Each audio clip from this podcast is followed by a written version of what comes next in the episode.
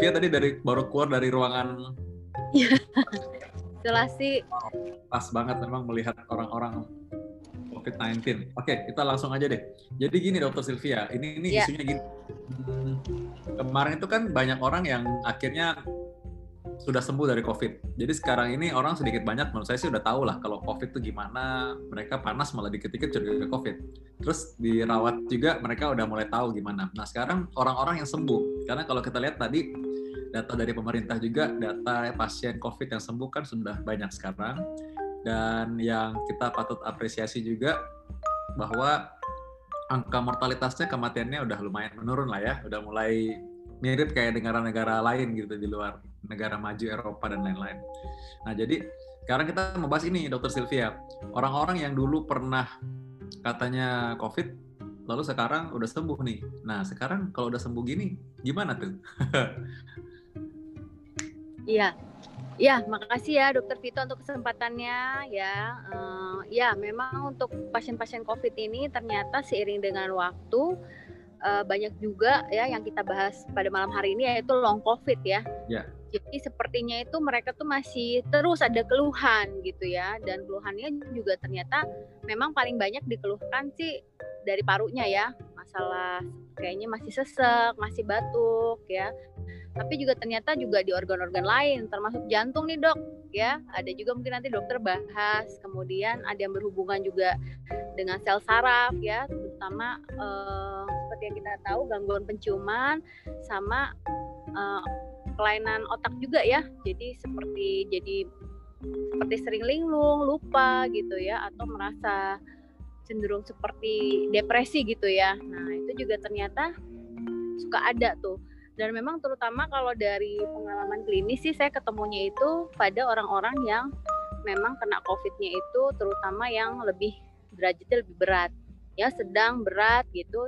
Ternyata pada saat pasca sembuhnya pun sudah dinyatakan sembuh secara klinis ya maupun laboratoris ternyata memang masih ada sequel atau gejala sisa Wah. itu sih dok Hmm, hmm.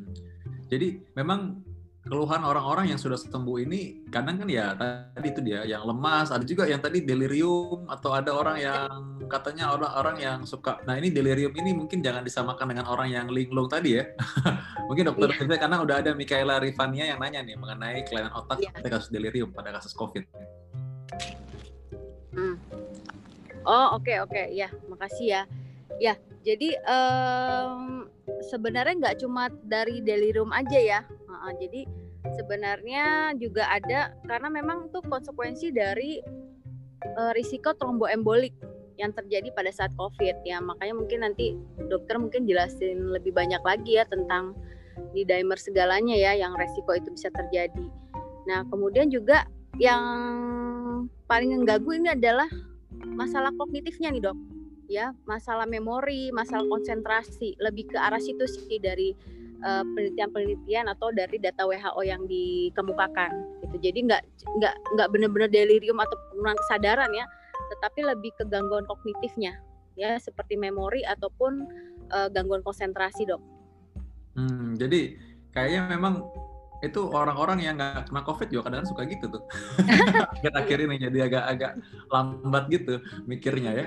Oke. Iya. Tapi memang em, yang paling memang kita takutkan memang kalau gejala sekuler tadi Dokter Sylvia udah bilang bahwa ada gejala sisanya gitu. Jadi jangan dipandang remeh sih. Ada memang saya punya teman juga dia itu waduh rajin olahraga, udah kurang apa lagi ya masih muda juga, masih 30-an tahun juga.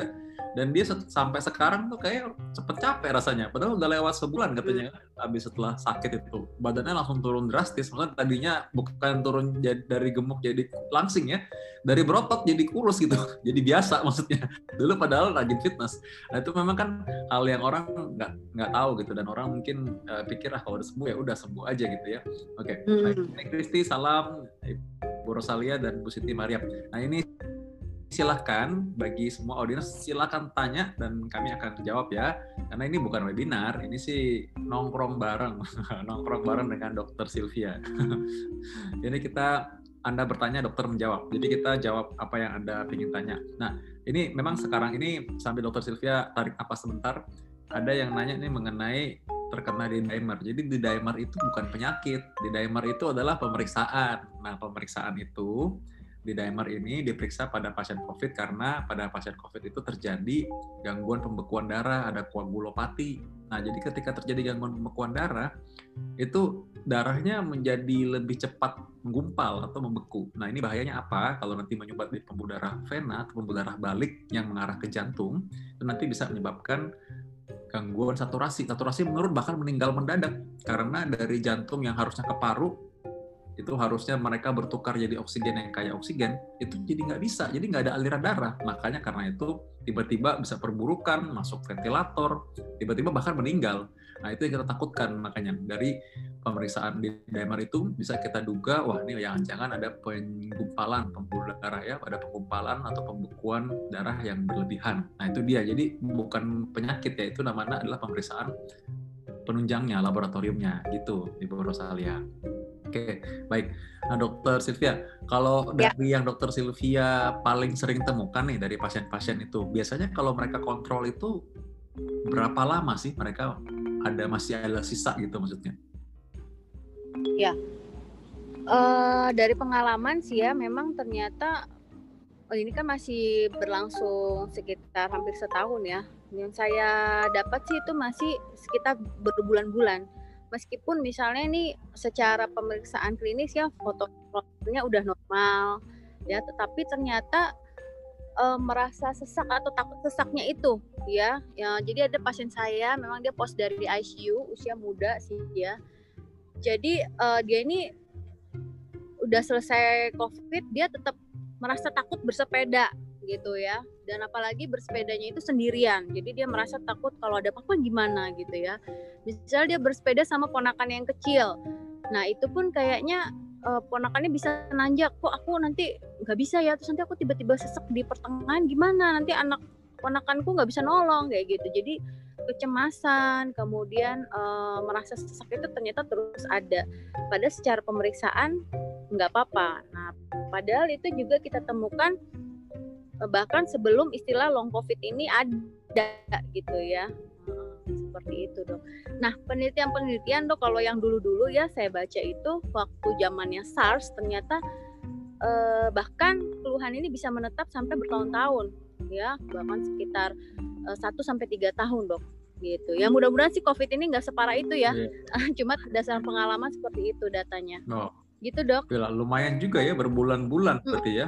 Nah dok tadi kan dokter tadi udah sempat sebut mengenai orang yang udah sembuh tadi ya, yang nemenin takut nanti tersengkal-sengkal ketika lagi tes fisik. Mm. Nah ini berhubungan sedikit dengan pertanyaannya Mariana Yahya nih. Jadi mereka tuh jadi sebenarnya udah bisa dibilang sembuh nggak sih? Kalau misalkan mereka contoh nih PCR-nya negatif nih, terus mereka masih menderita keluhan sequelnya itu gitu tadi kan yang ada sisanya gitu. Apakah mereka udah boleh kita bilang sembuh, udah sembuh gitu? Boleh nggak sih dibilang sembuh? Iya, ya dok tetap ya dok ya kriteria sembuh itu dari WHO sih tetap nggak berubah yaitu sebenarnya harus PCR-nya itu dua kali negatif dalam jangka waktu uh, lebih dari 24 jam. Cuman kan kita memang menyederhanakan definisi itu ya kembali lagi kepada setiap negara, setiap kebijakan negara juga ya yang bisa memang mengadop sistem kesehatannya seperti apa. Nah, uh, kalau dari saya pribadi sih minimal udah satu kali negatif sih sudah kita bisa nyatakan sembuh. Balik lagi ya, itu pemeriksaan. Tapi kita klinisnya juga harus juga perbaikan ya secara foto ronsen, radiologis ataupun lab juga udah perbaikan. Sebenarnya dia udah sembuh. Jadi long covid ini adalah uh, bukan covid yang masih terjadi ya, tetapi uh, memang pasca covid. Jadi setelah pasiennya sembuh, Dok. Gitu, nah, dok. ini begitu kita ngomong mengenai PCR tadi, mengenai tes swab hmm. tadi, langsung pasti udah sesuai dugaan lah ya. Pasti langsung nanya, ini saya udah berbulan-bulan kok PCR positif terus. Jadi udah dirawat, udah pulang, mungkin batuknya masih ada, mungkin ya rasa cepat capek masih ada. Lalu PCR-nya di swab masih positif terus. Nah, ini apa yang terjadi dengan orang seperti ini? Iya, memang uh, kita juga selain dari ini di luar long covid dan covid ya memang ada namanya persisten positif ya gitu. Jadi memang uh, ketika diperiksa itu memang uh, sepertinya swabnya itu bisa positif. Kadang dia negatif positif lagi gitu ya. Nah ini harus dibedakan dengan kasus reinfeksi. Jadi kembali lagi klinisnya ada atau enggak ya klinisnya akut seperti itu.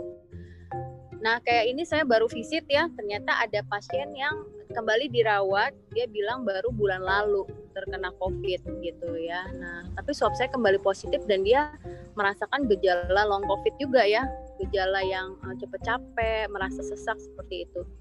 Ya saya saya cuma bisa jelasin sih untuk reinfeksi mungkin kemungkinannya lebih kecil. Ya meskipun kita tetap masih merawat dia ya karena kan ada keluhan kemudian tuh swabnya positif.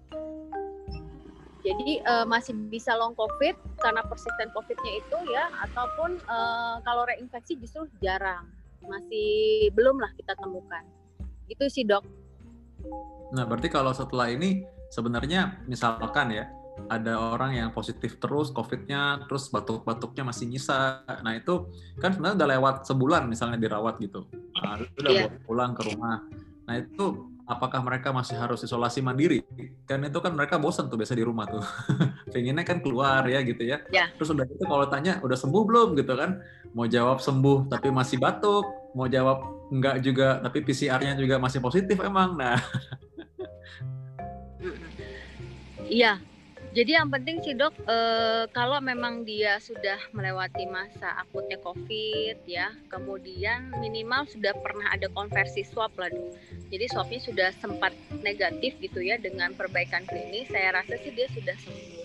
Secara teori memang e, virus itu adanya cuma 10 hari aja di dalam tubuh, rata-rata waktu ya gitu. Cuman kan memang e, di satu sisi penyakit ini baru ya, jadi memang kembali lagi uh, masih banyak yang harus kita pelajari gitu.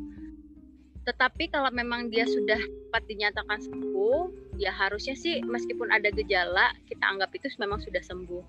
Perbaikan gejala kita memang menunggu ya uh, tubuh ini kita kan sebenarnya didesain Tuhan luar biasa ya. Jadi uh, pasti akan pulih, cumatnya butuh waktu dok. Itu aja sih dok. Ya. Dan tadi kalau misalkan swab itu sebenarnya kan dia bisa me nangkap juga bangkai-bangkainya ya. SARS-CoV-2 ya, virusnya ya. Jadi positif terus jadinya. Iya, dan bisa bertahan sampai kira-kira kalau di jurnal Korea bilang sih sekitar 12 minggu dok setelah sakit. Waduh, 12 minggu lama sekali ternyata. Iya, 3-4 bulan lah ya dok. Jadi ya standar sampai sekarang Ibu Mariana, uh, Mariana ya memang ini dari sampai masih tes PCR sih ya. Kalau untuk yang gold standarnya ya. Jadi walaupun sekarang banyak pemeriksaan ya. Ya ngomong-ngomong ini ada pemeriksaan yang lain ya. Misalkan ada pemeriksaan yang PCR tapi cuma satu gen saja yang diperiksa tuh. Dia lebih cepat. Itu juga saat ini masih belum diagnostik uh, gold standard ya dokter ya. Uh, masih belum, tetapi itu sangat membantu sih. Jadi uh, kita sih tetap bisa bilang itu pasien confirm bila swab antigen ya dok ya maksudnya ya. Ya, ya kalau swab antigennya positif kemudian disertai gejala yang mendukung COVID itu masih bisa kita kategorikan ke pasien confirm. Oke, okay. gitu. wow, yes. Nah ini salah satu dari salah satu dari audiens tetap kita juga nih. Wah, ini Ramdan Wahyudi. Ya, ini saya baru sembuh dua minggu dok. Nah katanya dan masih sangat mudah lelah, mudah capek. Biasanya sepedahan 20-30 meter, sekarang di bawah 10 km aja udah cepet banget capek Lalu kemarin habis sembahyang ya sholat sujud gitu, kepala pusing seperti mau jatuh. Wah ini ya ini ini kasihan juga sih. Ini apa sarannya lah mungkin pemeriksaan apa sih yang harus kita lakukan? Mungkin apa mesti CT scan ulang atau mungkin apa mungkin perlu ekokardiografi ya pemeriksaan jantung ya. Siapa tahu karditis misalnya begitu. Dokter Silvi silakan dok. Ya oke okay, makasih dok.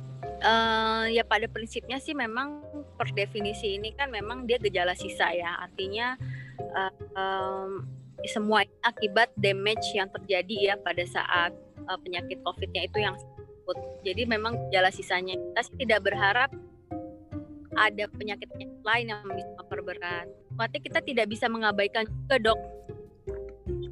Ya, ibaratnya kalau memang ada keluhan seperti itu, ya kita tidak bisa paksa tubuh kita uh, ah dulu aku bisa kok sekarang nggak bisa nggak bisa gitu juga kita harus menyesuaikan dengan keadaan kita sekarang ya kalaupun misalnya kita masih belum bisa beraktivitas uh, sedang ya, bukan beraktivitas berat lagi.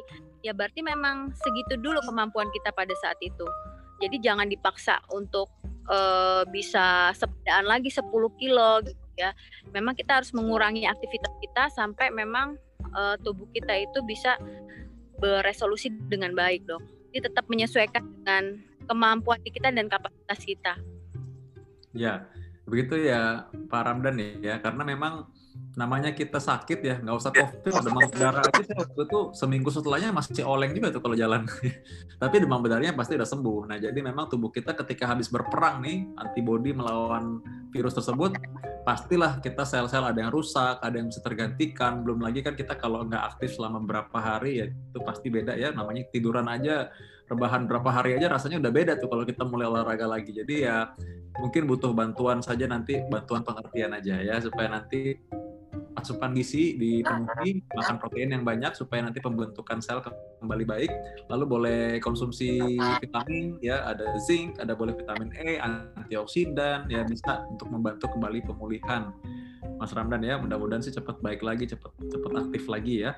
Nah, memang sepedahan ya di sabar-sabar dulu ya, tenang aja ya. Memang waktunya kalau memang kalau ini sih kita bisa cari patokan kalau misalkan memang sementara mengayu sepeda itu capek, ya jangan dipaksakan. Itu berarti emang lagi batasnya. Udah istirahat dulu aja, nanti baru tambah lagi. Jadi nambahnya pelan-pelan ya. Dan kalau misalkan memang sakitnya itu dulu kemarin COVID-nya bukan yang berat gitu ya, yang ringan, harusnya sih mudah-mudahan cepat baik lah ya.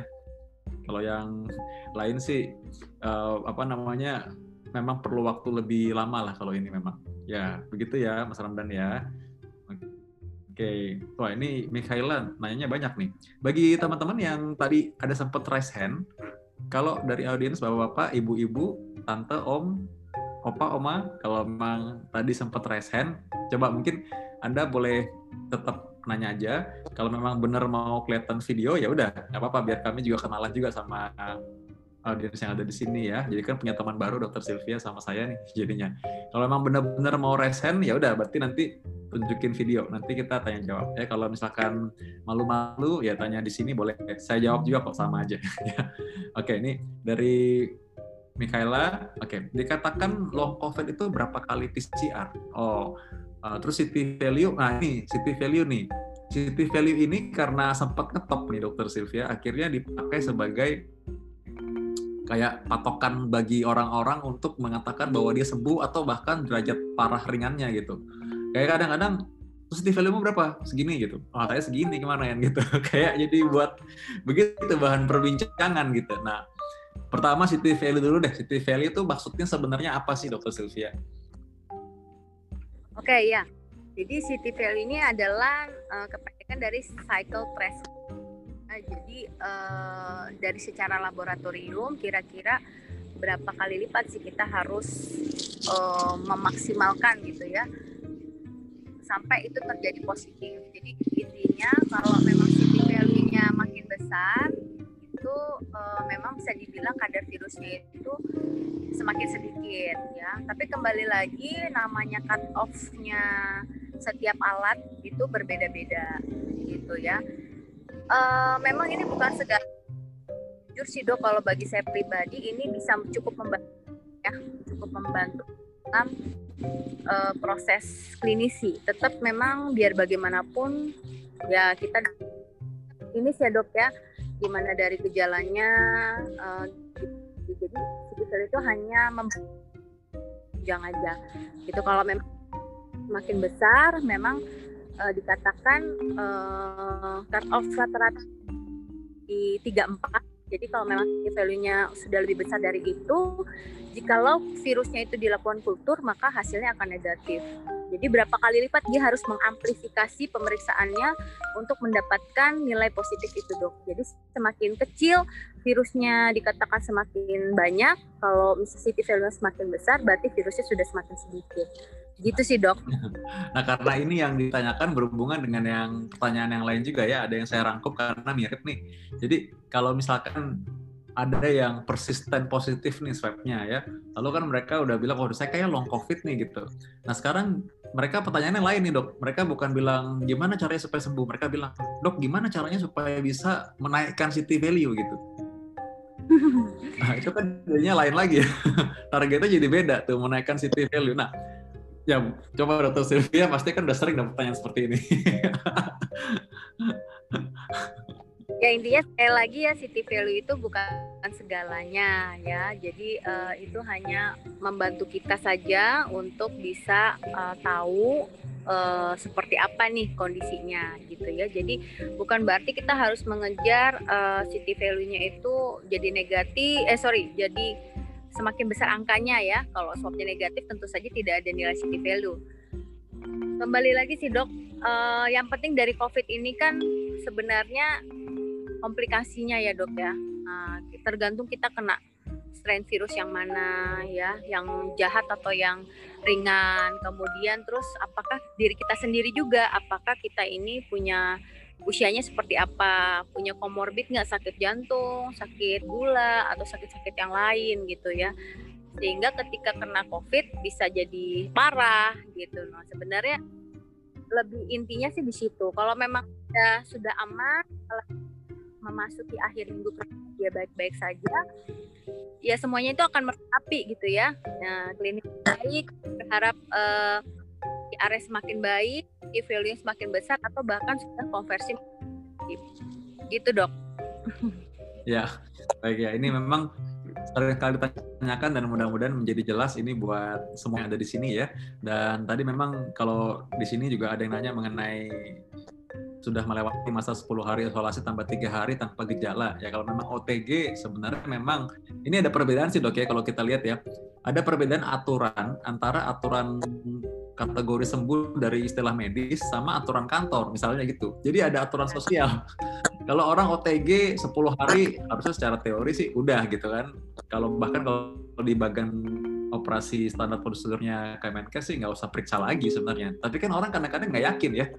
Pengen periksa coba deh masa sih udah negatif belum nih? Kadang-kadang kantornya juga minta juga gitu. Jadi ya itu kalau memang anda rasa perlu untuk periksa ya periksa aja. Bukan nggak boleh tapi karena memang PCR itu terbatas ya bu ya bapak-bapak. Jadi artinya nggak semua orang sekarang memang uh, punya akses yang sama untuk PCR dan itu kan di eman-eman apa ya istilahnya disayang-sayang gitu PCR itu. Jadi kalau memang Anda udah 10 hari emang OTG juga ya sebenarnya sih nggak perlu dinyatakan sembuh dengan cara negatif. Tapi ya kalau memang Anda pingin banget ya penasaran biar lebih optimis gitu ya rasanya mau periksa ya sudah. Kadang-kadang memang juga saya tahu kalau kantornya minta dok memang jadi ya udah karena kantornya minta ya udah diperiksa lagi nggak apa-apa sampai bisa negatif gitu ya sebenarnya. Tapi PCR ya uh, kalau dalam hal ini ya oke okay, baik saya sudah terjawab nih sekarang nih ya sama-sama Bu Rosalia Wah, ini hmm, yang lain, oh ini ada dokter. Selamat malam, dokter Mus Aida Mars mungkin ya. Uh, beliau nih sedang isoman pasca rawat inap ya 10 hari dan sudah 10 hari isoman dalam kondisi tanpa gejala dok. Wah ini. Tapi swab masih positif, walaupun semua lab termasuk di dimer dan PCR sudah normal. Oh, swabnya masih positif walaupun semua lab termasuk di dimer dan PCR sudah normal. Maksudnya gimana dok? uh, dokter kan dirawat ya isoman. Pas rawat inap 10 hari udah 10 hari rawat inap terus 10 hari isoman. Nggak ada gejala udah. Nah swabnya masih positif tuh maksudnya gimana dok? Kan ini kan di dimer apa mungkin maksudnya apa ya? Udah yang lain-lain normal gitu ya. Mungkin maksudnya di swab apa nih? Uh, swab mungkin swab udah positif kali maksudnya ya swabnya masih positif persisten positif kali dokter maksudnya ini dok rasanya nah kalau memang demikian, uh, memang saat ini kan ada gejala lagi ya. Harusnya kalau lewat dari 10 hari harusnya kemungkinan menular sih kecil. Ya mungkin dokter Sylvia bisa menambahkan dok ini memang nggak nggak jarang sih. Ada nih yang begini juga kayak dokter Mus Aida. Ya, makasih ya. Nah, mungkin uh, inilah gunanya juga city value ya dok ya. Memang bukan segalanya sekali lagi, tetapi minimal itu membantu. Kalaupun misalnya dia positif, uh, berapa nih yang bisa kita cari city-nya, city value-nya ya. Jadi kalau memang dia sudah di ambang-ambang norm di ambang-ambang sekitar di atas 34 kalau bisa ya. Kalau misalnya 33 mepet 34 35 tapi sudah klinis sudah baik kemudian uh, juga sudah 20 hari dari sakit saya rasa sih sudah sudah aman.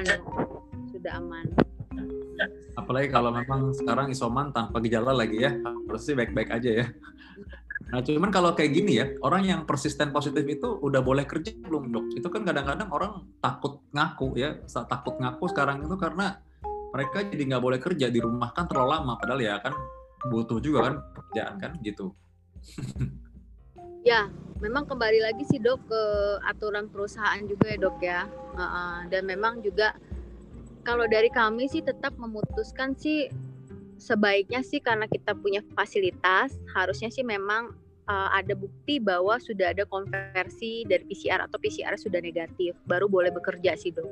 Atau memang tadi ya uh, apa namanya city value sudah tinggi kalau sudah positif gitu. Jadinya memang supaya memang lebih aman bekerja. Secara teknis di lapangannya sih kita tetap menganut seperti itu sih dok gitu. Tetapi uh, berbeda dengan uh, kriteria memulangkan pasien ya beda ya.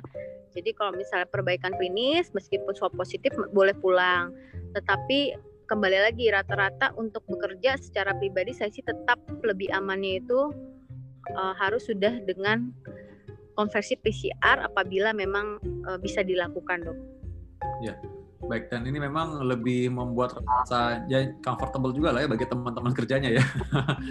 Orang kan nggak tahu nanti misalkan masuk dirawat berapa hari apa gimana kalau masih positif. Jadi memang aturan itu kita nggak bisa menyalahkan kantor juga dan saya juga memang sangat mentolerir sih kalau misalkan kantor seperti itu ya karena memang kan maunya mereka juga kan maunya aman, memutus rantai penularan gitu kan. Jadi sementara ya mungkin bisa periksa bisa WFH dulu kali ya kalau memang iya. sementaranya masih demikian walaupun rasanya sehat gitu kan. Ya baik. Nah, tapi memang sebenarnya kan orang-orang ya mungkin masyarakat perlu tahu juga dok um, berapa hari sih sebenarnya masa penularan COVID tersebut ya supaya mungkin nggak jadi stigma di masyarakat ya. Kadang-kadang kan zaman sekarang sih kalau saya lihat sih nggak terlalu, tapi dulu memang awal-awal wah apalagi tuh masih kayaknya orang takut banget udah kayak ya zaman dulu orang lepra gitu ya nggak mau deket-deket tuh. Iya, memang uh, pada prinsipnya sih um, ya itu ya dok ya. Kalau secara teori dia 10 hari dok. 10 hari dari mulai onset sakitnya ya yang memang dia benar-benar menularnya. Nah eh, yang amannya memang sih kita ambil dua minggu lah ya. Kalau misalnya dia tidak terjadi gejala atau pada OTG ya kita sih targetnya itu 14 hari dari masa dia terkonfirmasi positif. Jadi amannya seperti itu dok ya baik terima kasih sambil dokter Sylvia menarik napas dulu Nah, saya membahas yang eh, Pak Tatang Tabroni ya. Jadi sempat punya pengalaman beliau ini di dimer lebih dari 1000, sesak napas, saturasi 90 sampai 92 dan dirawat di rumah sakit. Hasil diketahui juga kadar albumin sangat rendah sehingga infus albumin. Nah, albumin darahnya mendekati normal di dimer menurun juga, mendekati normal juga. Nah, apakah ada hubungannya? Dengan kata lain, COVID turunkan albumin dan protein darah lain menyebabkan indikator dimer juga naik. Oke, Pak Tatang, ini memang dengan kondisi demikian, ini di dimer yang tinggi itu risiko untuk terjadinya emboli paru itu cukup besar ya. Dan juga kita sebut sebagai tromboemboli vena ya, venous thromboembolism. Jadi itu bisa terjadi pada vena di, di kaki dan juga dari kaki ini bisa terhantar sampai ke paru-paru. Jadi urut urutan normalnya nih gini. Pembuluh darah vena itu pembuluh darah balik. Nah, saya belum pernah nih terangin kayak gini sampai benar-benar detail begini karena biasanya kan ada durasi ya. Kalau ini kan agak bebas nih. Jadi khusus untuk audiens yang hari ini saya terangkan detail nih. Jadi ekstremitas kaki kita ya, kaki kita itu ada venanya. Pembuluh darah itu kan seluruh tubuh. Jantung kita ini fungsi untuk memompa. Nah, jantung yang memompa itu ke seluruh tubuh itu melewati pembuluh darah namanya arteri yang warna merah kalau digambar-gambar. Nah, ketika arteri ini memberikan oksigen ke sel-sel di kaki, di ginjal, di otak, di otot-otot, di paru-paru, di mana-mana ya, di jantung sendiri juga ada jantung koroner namanya ya. Nah itu memberikan oksigen di semua sel di seluruh tubuh. Di dalam itu sebenarnya terjadi metabolisme. Nah sel ini kan punya sampah nih. Nah sampahnya dia buang, dia ngambil oksigen, sampahnya dibuang ke pembuluh darah vena. Nah pembuluh darah vena ini bertugas mengantarkan kembali darah kotor, ya istilah yang gampangnya darah kotor ini kembali ke jantung Nah, darah kotor ini isinya ya bekas sampah metabolisme, lalu CO2 ya, karbon dioksida ya, bekas dulu kan waktu zaman belajar di SD kan kita tahu tuh dulu ya, darah kotor gitu istinya. Nah, makanya disebut namanya pembuluh darah balik, soalnya dia balik ke jantung. Nah, pembuluh darah balik ini dari kaki, dari tangan, dari otak, dari semua organ tubuh ada, kembali lagi ke jantung. Nah, ke jantung itu dia dipompa ke paru-paru. Dekat sekali hubungannya dengan paru-paru memang. Nah, jadi dari jantung pompa ke paru-paru lagi supaya apa? Supaya ditukar. Nah, ada sini sampahnya ditukar diganti yang baru, diganti oksigen yang kaya. Nah, jadi paru ini yang habis kita napas hirup oksigen, nah itu dimasukkan lagi ke jantung. Nah, jadi jantung yang kembali lagi kaya akan oksigen lagi ke seluruh tubuh lagi. Nah, nah jadi kalau terjadi pembekuan darah di pembuluh darah balik, nah ini bahayanya apa?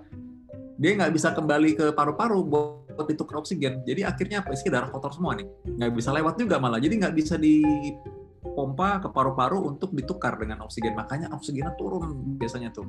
Kalau misalkan dia total membat, turun drastis bisa meninggal langsung. Cepat sekali kejadiannya. Dan itu memang saya sebagai dokter jantung, dokter uh, juga pasti udah sering lihat ya. Kalau kejadian kayak gitu, aduh itu cepat sekali penurunan kesadaran, tiba-tiba pergi aja check out orangnya. Tapi kalau misalkan dia sumbatannya cuma sebagian, maka bisa lewat, kan? Masih bisa lewat aliran darah. Tapi memang saturasi oksigen menurun tuh biasanya. Nah, karena itu tuh sangat bahaya.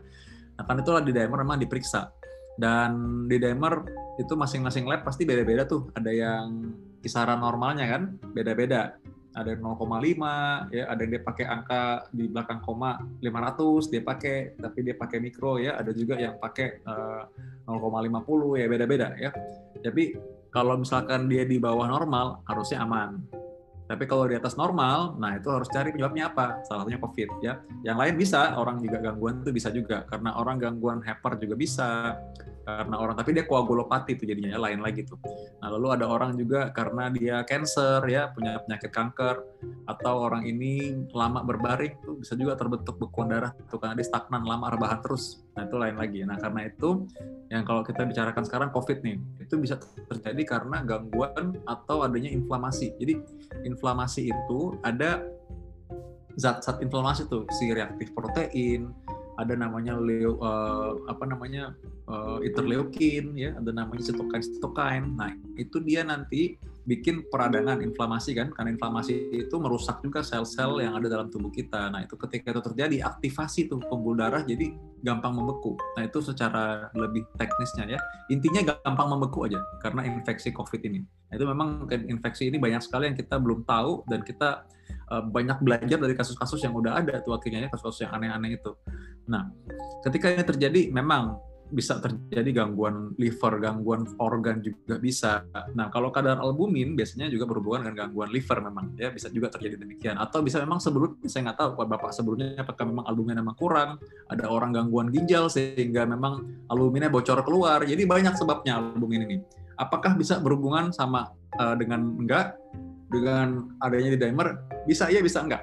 Ya kerusakan liver memang membuat koagulopati juga, gangguan perdarahan. Dan gangguan perdarahannya karena kerusakan liver ini bisa terjadi karena apa? Karena albumin kan diproduksi dari liver juga. Ya intinya kerusakan gangguan itu kadang-kadang membuat dokter dan perawat itu cukup sakit kepala dan pasiennya kasihan. Kenapa? Karena kalau terjadi gangguan pembekuan itu bukan hanya berarti pembekuan darah, oh tinggal diencerin aja pakai pengencer darah karena bisa juga terjadi pembekuan darah sistemnya itu walaupun dia menggumpal, tapi dia dalam saat yang bersamaan dia mudah berdarah. Nah itu dia jadi masalah. Jadi karena itu kita mesti berhati-hati dengan itu. Nah karena itu uh, turunkan albumin nggak bukan dengan turunkan angkanya, tapi kita kasih pasokan albumin juga. Ya karena memang albumin itu bisa dipasok lewat uh, makanan, lewat infusan juga bisa. Nah di dimer uh, di dimer ini sendiri kalau memang dia tinggi, maka kita harus berikan pengencer darah namanya antikoagulan. Namun kalau antikoagulan kita berikan dengan kondisi livernya gangguan, salah satu tanda liver gangguan adalah dengan albumin yang turun. Nah, itu maka bisa jadi risiko bleeding atau pendarahan juga tinggi. Nah, itu susahnya. Jadi karena itu apa yang Bapak sampaikan di sini itu adalah gambaran sulitnya mengobati COVID sebenarnya, apalagi yang kritis atau yang harus dirawat di rumah sakit. Namun apa yang kita terangkan di sini itu tidak menggantikan kondisi klinis orang. Artinya masing-masing orang itu kondisi sangat-sangat berbeda sekali ya. Jadi itu adalah pengetahuan yang saya berikan supaya Anda boleh mendapat pencerahan sedikit. Mudah-mudahan sih mengerti ya Pak Tatang ya. Oke baik, Dokter Aida mudah-mudahan sekarang udah bisa cepat sembuh ya dok. Ngomong-ngomong tadi saya menyapa ulang, beliau sudah membagikan sharing pengalamannya. Terima kasih banyak bisa men-sharing pengalaman ini. Thank you, thank you. Oh, Dokter Sylvia masih ada nggak ya? Masih ya. Dokter Sylvia, ini dari Ganevi, ya uh, aku kena COVID-19 aku dirawat di Wisma Atlet dengan CT 36 dirawat di HCU 8 hari wow semoga sekarang udah baikan ya sempat disuntik 8 hari untuk kekentalan darah sekarang aja masih belum normal penciuman cepet capek oh, mesti anosmia ya beliau ini cepet capek napas masih suka tersengal-sengal. Ada pembengkakan jantung. Apakah harus cek di dimer dan perlu PCR lagi? Oh, dok ini beliaunya masih di ini ya masih dalam kondisi begini ya. Ya Ganeti terima kasih sudah sharing sama kita ya. Um, ya ini dok dia jadi lagi dirawat nih. Hmm. 8 hari sebelumnya di HCU malah ya Oke, apakah perlu cek ya. di dimer dan perlu PCR lagi? Bahwa sekarang masih ada anosmia, masih cepat lelah ya? Ya. Oke dok, izin dok. Tadi dia sudah pulang atau belum ya dok ya? Masih di nah, belum dijelaskan nih, tapi uh, beliau dirawat di Wisma Atlet nih dengan demikian uh, dirawat di HCU 8 hari. Asumsi saya sih sebenarnya dia udah lewat nih 8 harinya ya hmm. dari HCU-nya ya. Sekarang kayaknya udah mungkin antara rawat biasa atau mungkin dia sendiri di rumah, tapi jelas HCU-nya udah lewat. Sepertinya beliau lagi dirawat sekarang, mungkin masih sementara masih sementara positif juga mungkin ya PCR-nya. Oh, Iya dok, ini kayaknya dia dirawatnya itu tanggal 211 ya, berarti 21 Januari ya. Iya. Kemudian 8 hari berarti mungkin udah Januari kemarin kali ya. Ya, udah lewat Gitu maksudnya sih dok. Ya. Iya sudah lewat ya dok. Ya. Cuma dia belum bisa normal penciuman cepat capek dan ini. Oh oke. Okay. Dan ada pembekakan jantung. Ya. Oke. Okay. Baik, berarti kan ini termasuk long COVID ya, karena kan memang dia sudah uh, istilahnya sudah sembuh ya dari COVID, cuma masih ada gejala gitu ya dok ya. Nah, uh, nah kalau dari saya sih, uh, kalau dari segi parunya sih ya, uh, bisa itu melakukan kontrol ya ke dokter paru untuk bisa lihat kira-kira sequelnya itu sekarang ini sudah seperti apa, apakah perlu diberikan uh, terapi tambahan gitu ya. Uh, biasanya sih kita berikan antiinflamasi jangka panjang untuk um, mempercepat uh, perbaikan atau resolusi dari parunya. Nah, ini kan juga ternyata dia punya komorbid ya, pembengkakan jantung nih dok. Ya, mungkin uh, nanti dokter juga bisa bantu nih dok. Kira-kira uh, seperti apa? Nah, untuk uh, perlu cek di dimer atau enggak lagi, saya rasa sih. Jadi memang gini. Hmm, COVID ini akan memperberat ya. Jadi semakin saya lihat di dimernya itu tinggi, semakin jelek klinisnya nih dok. Ya, apalagi pasien-pasien yang udah di ICU atau mohon maaf nih ya, pasien-pasien yang sudah ternyata beberapa hari kemudian itu sudah tidak ada atau meninggal itu ternyata di dimernya itu bisa naik uh, puluhan sekali gitu ya. Gitu. Jadi memang uh, di dimer ini seperti jadi bisa jadi biomarker juga gitu loh untuk menentukan derajat keparahan gitu ya. Jadi pasien-pasien yang semakin berat di dimer itu semakin tinggi. Nah, COVID ini juga memperberat di dimer. Nah, tapi hati-hati juga nih ini kan dia punya komorbid jantung ya. Jadi mungkin uh, saran saya sih tetap harus evaluasi ke dokter jantung juga ya. Maksudnya kan tetap ada perbedaan risiko trombosis juga ya, Dok ya, pada pasien jantung ya, Dok ya. Nah, seperti itu sih dok. Jadi saran saya sih tetap kontrol. Kalau untuk PCR-nya sih saya rasa tidak perlu karena memang kan sudah berlalu ini ya. Jadi memang lihat uh, klinis yang sekarang terjadi aja dan komorbidnya ditata laksana dok. Baik baik. Ini pembakaran jantung ini memang harus kita lihat mungkin dengan USG jantung apakah ini sebelumnya sudah ada atau baru sekarang ada? Karena mungkin saja terjadi miokarditis atau infeksi COVID yang langsung menyebabkan peradangan pada otot jantung Nah, sehingga emang jantung biasanya menjadi kurang pompanya atau jadi melebar atau membesar. Nah, ketika itu terjadi memang jadinya rasa cepat capek, cepat lelah. Nah, itu dia. Nah, apakah bisa kembali? Nah, ini memang bisa kembali sih untungnya ya. Namun karena ini penyakit baru, nah itu dia. Apakah memang semuanya bisa kembali normal? Nah, sejauh ini sih memang sebagian besar sih kembali normal lagi sih. Yang lain masih ditunggu kan siapa tahu bukan berarti nggak kembali tapi waktunya lebih lama kan gitu ya. Ini umur peny umur penyakitnya aja baru setahun ya kan. Jadi orang masih nggak tahu juga karena ada juga orang pembengkakan jantung. Jadi miokarditis ini bisa terjadi pada infeksi virus yang biasa juga bisa. Jadi bukan hanya infeksi COVID saja. Nah itu biasanya kalau infeksi virus biasa sih bisa kembali normal sih dan walaupun dia butuh waktu ya berapa bulan gitu misalnya. Dan ya cek di dimer nggak ada salahnya. Coba periksa lagi. Saya belum dapat info di sini ya. Kita di sini nggak dapat info apakah dapat obat minum pengencer darah nggak ketika pulang ya. Biasanya sih dapat minum juga dilanjutkan. Oke baik. Mudah-mudahan cepat baik cepat sembuh cepat pulih kembali ya. Oh ini ada dokter ada pertanyaan lanjutan dok dari dokter Mus Aida tadi nih. Katanya anaknya juga mirip tuh dengan di dimer masih tinggi.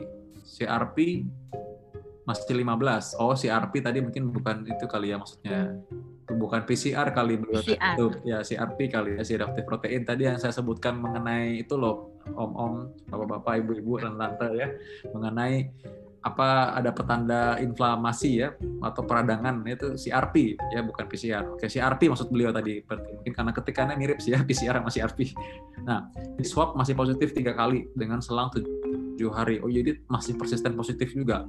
Tapi memang kalau tadi seperti dokter Sylvia tadi bilang ya kalau di dimer tinggi itu memang lebih berat biasanya ya, lebih Iya. berat biasanya. Iya, dok. Dan tadi tambahan juga kalau pasien-pasien yang berat juga menurut penelitian antara 30 sampai 49 persen tuh yang dirawat di ICU itu ternyata kena miokarditis juga tuh kena Hmm. lemah jantung lemah jantung juga jadi peradangan jantung yang menyebabkan lemah jantung ya itu ternyata angka bervariasi antara 20 30 sampai 49 persen ya tentu beda-beda center waktu itu yang mereka lihat. Nah ini kalau beliau ini kan masih dikasih katanya dapat heparin ya benar memang standar dapat heparin lalu dapat Lixiana. Oh beliau dapat obat pengencer darah yang obat pulang nih berarti. Baik kalau boleh ya memang kalau advice sih menurut saya sih memang ini kontrol ya bisa untuk dilihat lagi mungkin bisa dicek di dimer ulang mungkin bisa di foto lagi. Dan menurut saya sih yang paling utama sih coba dokter dokter pulmonologi dokter Sylvia pasti yang lebih banyak ini mestinya ya mungkin bisa memberikan advice mengenai ini. Karena ini CRP-nya pun masih tinggi katanya. Ya baik. Silakan dok. Makasih ya dok. Ya, jadi memang itu penunjangnya aja ya dok ya. Tapi balik lagi kita harus tanya juga ya klinisnya seperti apa gitu ya. Kalau memang dia sudah positif selang tujuh hari, berarti kan sudah 21 hari gitu ya. Eh, kalau memang dia mendapat antikoagulan oral pada saat pulang, tidak ada salahnya sih dok kita evaluasi lagi di dimernya gitu ya. Kalau memang dia kan ini kan anaknya ya, berarti kan eh, kita berharap dia usia muda tanpa komorbid setelah memang perbaikan gejala COVID ini semua sih harusnya sih bisa kembali dengan normal lagi sih dok. Gitu. Jadi Ya. kita mungkin eh, bisa eh, mengetahui sampai kapan kita memberikan antikoagulan oralnya ini. Gitu sih dok. ya Mm-mm. baik memang saya pernah dapat ini pasien yang baru kontrol dua hari lalu sih ya jadi dia udah usianya 65 tahun dan dia diabetes malah dulu sebelumnya foto toraks, foto CT scan itu besar jantungnya. Tapi ketika saya echo kemarin udah kecil lagi ya, jadi harusnya sih memang dia memang dia bilang udah lebih seger jauh. Di dimernya pun dia periksa tiap bulan ternyata. Kemarin tuh bulan keempat udah normal lagi. Memang pas dia pulang itu masih tinggi di dimer dia minum obat pengencer darah. Nah, jadi tapi itu dia salah satu bukti nyata bahwa pasien tersebut aja usia lebih lanjut ternyata bisa kembali pulih. Jadi mudah-mudahan anaknya dokter Mus Aida juga kembali pulih juga ya. Dok, ini mungkin sebagai tambahan yang konkret kali ya. Dok, kalau untuk pasien seperti ini dok, kira-kira dokter mau kasih anjuran vitamin dan suplemen apa aja dok bisa untuk membantu pemulihan dok? Oke ya, makasih ya. Eh, sekarang sih memang banyak sekali ya farmasi-farmasi ya, multivitamin dan sebagainya. Tapi kembali lagi sih ya, eh, kita harus cari yang evidence base gitu ya dok ya. Gitu. Sementara ini sih berbagai merek multivitamin boleh eh ya, Eh, yang bagus vitamin B, vitamin C, kemudian vitamin D dan E dok. Itu aja sih dok yang yang memang misalnya eh, baik ya. Untuk vitamin D mungkin khusus sih ada dosis-dosis tertentu ya dok untuk eh, pengobatan maupun juga pemeliharaan gitu sih dok. Kalau misalkan ada obat-obat ini, saya jadi gatel pengen nanya karena banyak pasien iya, nanya. ada obat, ada ceritanya telur salmon lah, ada yang namanya, ya itu saya udah baca juga sih jurnalnya. ya. Ada dia jurnalnya dikit, tapi ada, ya, tapi ada. Eh, terus begitu ada juga yang obat apa tuh namanya? Apa ya namanya? Coba audiens bisa bantu saya nggak? Em, yang di sini bapak-bapak, ibu-ibu, Lianhua bukan sih namanya? Ada ya? iya, Ya, dok. Lianhua ya. Ah, ya Lianhua. Dan em, itu sih kalau yang saya baca sih memang ya memang kelemahannya memang kalau misalkan pengobatan timur itu dia jarang tulis jurnal sih, jadi jarang jarang jarang buktinya gitu. Tapi saya sih nggak mengapa sih kalau misalkan boleh boleh aja ya mengenai efeknya sejauh apa, nah itu yang masih perlu kita teliti. Cuman kalau mau minum sih menurut saya sih nggak apa-apa ya, tapi mungkin jangan ekspektasi terlalu berlebihan sampai melupakan obat-obat yang harusnya memang diminum gitu maksudnya. Apalagi menggantikan obat pengencer darah misalnya jangan ya lalu uh, obat-obat yang ada juga tuh yang aku tahu yang ada ya omega 3 lah, telur salmon dan lain-lain. Itu oke, okay. aku juga baca memang dia bisa menurunkan peradangan katanya bisa membantu pemulihan. Kan memang wajar aja sih namanya kan pasti ada proteinnya ya. Sedangkan pemulihan kita itu ada protein. Jadi ya wajar-wajar aja kalau memang demikian. Namun kita memang mesti berhati-hati untuk bisa mengklaim bahwa oh ini bisa menyembuhkan ini menyembuhkan itu. Apalagi kalau penyakit yang disembuhkan banyak sekali ya. Hampir nggak sama kan mekanismenya. Masa bisa nih ya menyembuhkan katarak sama menyembuhkan penyakit liver gitu. Kan itu kan beda banget ya. Kok bisa gitu kan misalnya gitu. Jadi mesti hati-hati contoh paling gampang aja ini vaksin aja sampai kita bilang boleh untuk lansia, boleh untuk orang yang punya penyakit diabetes gitu. Itu aja butuh waktu lama loh. Padahal kita udah mikir ini pasti aman mestinya. Jadi karena itu untuk membuat obat yang bisa untuk semua itu sebenarnya akan sangat sulit. Jadi saya pribadi tidak melarang, tapi ya kalau Anda memang mau mengkonsumsi hal tersebut, boleh tapi beritahukanlah kepada dokter ya supaya nanti bisa dikasih advice. Nah contohnya nih kayak dokter Sylvia atau Sylvia mungkin bisa kasih advice uh, bagaimana tuh interaksinya atau mungkin uh, gimana sih aturan minumnya kalau dibolehkan dok? Iya, oke, okay, makasih. Uh, tetap sih dok ya kalau memang misalnya obat-obatan lain ya, uh, termasuk obat alternatif ataupun herbal yang memang uh, mau ditambahkan, tetap tetap tidak merubah dari prosedur standar kita. Maksudnya kita tetap memberikan terapi standar ya yang sesuai dengan uh, rekomendasi seperti apa berdasarkan derajat penyakitnya ya, ringan, sedang, berat dan sebagainya. Nah, kalau memang misalnya ada mau permintaan penambahan asal memang itu tidak akan memperberat ya, Dok. Biasanya kan obat-obatan herbal atau alternatif ini kadang uh, memperberat fungsi ginjal gitu ya atau uh, malah um, menjadikan risiko perdarahannya meningkat Nah, rata-rata gitu tuh. Itu sih kita jangan. Jadi kita lihat juga kalau memang klinisnya baik ya, misalnya pasiennya hanya tergolong ringan terus mau minum yang lain-lain itu it's okay. Nah, gitu ya.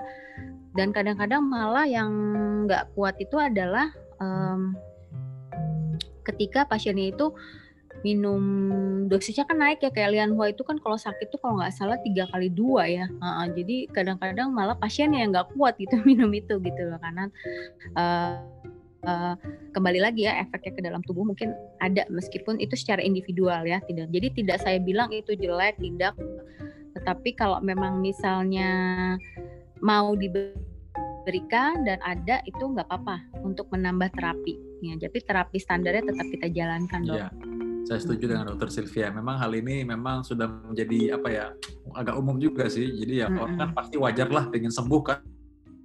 Jadi segala apa cara semua dipakai. Ingat juga interaksi juga ya karena memang bagaimanapun walaupun itu namanya obat alternatif, herbal, bahan alami itu tetap punya dosisnya loh dan memang dokter ada juga yang mendalami itu. Jadi karena memang demikian lebih baik kan kita ikut apa yang menjadi bukti ya. Kalau orang cuma bilang oh ini teman saya minum ini, keponakan saya minum itu, ya itu kan kondisi penyakit mungkin beda, mungkin lain. Ingat juga bahwa ada sinergisnya juga, ada juga malah mungkin berlawanan lagi bukan sinergis. Jadi karena itu hati-hati ya, hati-hati. Pokoknya didiskusikan aja kepada dokter. Ya walaupun dokter pakai masker sekarang nggak kelihatan senyumnya, tapi pasti senang kok dikasih tahu ya. Kalau nggak malah bahaya. Ya dokter Sylvia aja nih, bayangkan. Aku masih aku masih kagum loh dokter Sylvia. Kalau aku sih misalkan menyusui ya, aku agak malas tuh masuk sebenarnya. Beliau itu luar biasa loh. Udah mulai kerja lagi. Kalau gitu besok saya konsulin pasien lagi deh. saya pikir belum masuk. Dokter Sylvia ini kuat banget deh. Ya oke. Okay. Dokter Mus Aida kembali. Baik Dokter Mus ini staff saya masih positif sampai dengan sebulan. Malah kehilangan short memory. Waduh, kalau kehilangan short memory agak sulit juga. Berarti dia ingatan jangka pendeknya berkurang ya anosmia masih sisa. Apakah harus kontrol ke dokter saraf atau gimana? Dokter Sylvia pernah dapat pasien dengan yang short memory berkurang? Saya sih belum pernah ya. Kalau anosmia sih sering, tapi kalau yang short memory ini saya baru belum pernah nih ya dapat kayak gini. Silakan dok. Iya, makasih dok. Ya ini juga masuk fenomena long covid ya dok ya, termasuk uh, gangguan dari apa degenerasi bukan degenerasi ya sel sarafnya itu ya. Jadi memang uh, untuk latihan kognitif memang uh, ada berbagai cara sih dok. Misalnya kita melatih uh, memori ya dengan berhitung dan sebagainya. Kemudian ada menghitung mundur, ada tes-tes kognitif dok yang perlu dijalani ya. Biasanya itu memang kita perlu dok konsul ke dokter saraf Nah, jadi intinya itu adalah bagaimana kita melatih dok sel-sel saraf yang sudah rusak ini bisa beregenerasi lagi gitu. Dan eh, dan melatihnya itu dengan apa? Ya dengan berlatih ya dok ya. Kalau memang gangguan kognitif ya kita berlatih berhitung berlatih mengingat mengingat apa namanya? Berarti mengingat-mengingat kata. Jadi memang ada tes-tesnya tersendiri gitu loh yeah. untuk itu. Kemudian kalau untuk anosmia sendiri juga memang intinya adalah uh, terapi latihan juga dok gitu loh. Jadi uh, bagaimana meng, apa nama latihan mencium bau-bauan gitu dok. Itu ada caranya. Dokter THT biasanya juga akan memberikan tips-tips tertentu. Bagaimana kita cara menghidup ya menghidup supaya kita bisa melatih uh, refleks-refleks saraf penciuman.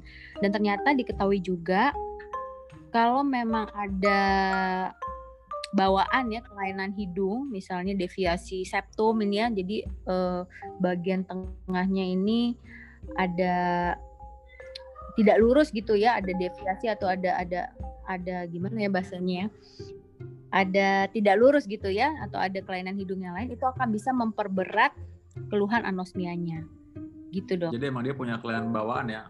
Biasanya tuh agak sebelah tuh lebih tebel gitu dinding hidungnya nih. Hmm. Jadi dia kalau dalam hmm, ada berbagai kalau macam. kita lihat tuh dok kadang-kadang mereka itu kalau napas tuh bunyi napasnya. Kalau tidur ngorok, kalau napas tuh agak napasnya bunyi ya kalau napasnya kadang-kadang karena sebelahnya tuh hidungnya lebih tebel gitu dindingnya. Jadi lebih sempit lubangnya. Itu ada tuh ya. Jadi kelainan septum tadi. Jadi dia lebih lama. Bahkan ada yang parosmia ya dok ya. Jadi dia nyium bau ayam gitu, bau ayam goreng, baunya bau sampah gitu misalnya. Ada tuh. Oh itu pernah tuh. Oh. Dia aneh juga tuh dia jadi dia bilang gini saya nyium bisa tapi kok dia bilang ini bau apa sih gitu. Dia nggak bisa kenal itu bau apa tapi ada baunya gitu. Oh maksudnya baunya tuh lain gitu. Apa yang dia lihat sama apa yang masuk ke dalam hidung dia itu parosmia itu lain lagi tuh. Oke okay. tapi mudah-mudahan kalau gitu mudah-mudahan masih bisa dilatih. Apalagi tadi yang kehilangan short memory ya harus harus latihan supaya bisa lagi tadi dengan latihan kognitif ya dokter Sylvia tadi bilang. Iya. Oke okay, oke. Okay. ya baik oh ini ada sesuatu hal-hal yang ya ini sedih sekali saya ikut berbela sungkawa ya dari Berliantari, Dr. Vito. Adik saya meninggal Senin kemarin setelah 19 hari dirawat karena COVID. Turut mendoakan almarhum ya. Sebelumnya sudah dikatakan negatif nih, sempat negatif. Sejak hari pertama dirawat di rumah sakit di UGD tiga hari sampai di ICU meninggalnya keluhan sesak napas terus. Nah, almarhum ini punya GERD ya, sempat dipasang ventilator tapi saturasi tetap turun, paru-parunya nggak baik. Nah, rencana sore hari sebelum wafat akan diberikan pengobatan baru tapi khawatir akan berpengaruh terhadap jantung. Akhirnya uh, Senin malam meninggal. Sedih, sedang sudah dilakukan pacu jantung. Oh, baik. Pertanyaan saya, apakah yang menyebabkan kematian adik? Apakah sudah SOP dokter bahwa setiap pasien seperti saya ini pasti sudah dilakukan diagnostik di dimer? Baik, sekali lagi turut berduka cita ya, turut kehilangan juga. Saya selalu sedih kalau tiap hari lihat pasien itu, misalkan kita lihat meninggal, apalagi lihat kabar yang di berita setiap hari itu pasien yang meninggal sekian. Karena apa? Yang kebayang saya itu bukan angka yang meninggal, bukan berapa persen ya, tapi itu orang yang kehilangan itu kan nyawa tuh ya. Kalau kita bilang, oh cuma angkanya cuma 5% kok yang meninggal. Nah 5% anggap dikali 200 juta orang gitu, berapa tuh? Berapa orang? Berapa keluarga yang kehilangan? Berarti itu kan banyak sekali ya, ratusan ribu orang mungkin tuh. Jadi ya sekali lagi selalu nggak enak melihat orang meninggal dan mengabarkan ke pasien pun kita selalu nggak nggak enak gitu keluarga itu ya nah kali ini juga sama turut kehilangan ya ibu uh, apa turut kehilangan al almarhum ini Barliantari oke baik dok ini sepertinya kalau saya lihat mungkin dirawat di ICU ya, berarti dari awal mungkin sudah berat kategorinya harusnya kan kategori kritis dirawat di ICU. Secara SOP sih biasanya dicek di dimer ya, tapi saya nggak tahu waktu itu sudah uh, dilakukan apa belum.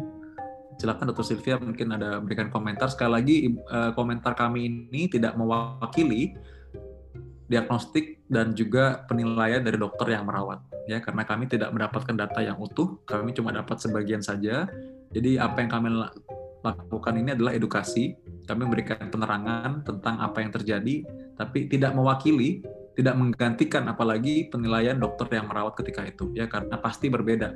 Ini sangat amat superficial sangat amat umum sekali tidak menggambarkan keadaan pasien sebenarnya pastinya banyak detil-detil yang saya nggak tahu nih sebenarnya di sini kan hasil elektrolitnya gimana, troponinnya gimana misalnya dokter Silvi pasti juga kan perlu gambaran parunya gimana, GGO-nya banyak apa enggak, ya banyak. Silakan dokter Silvi.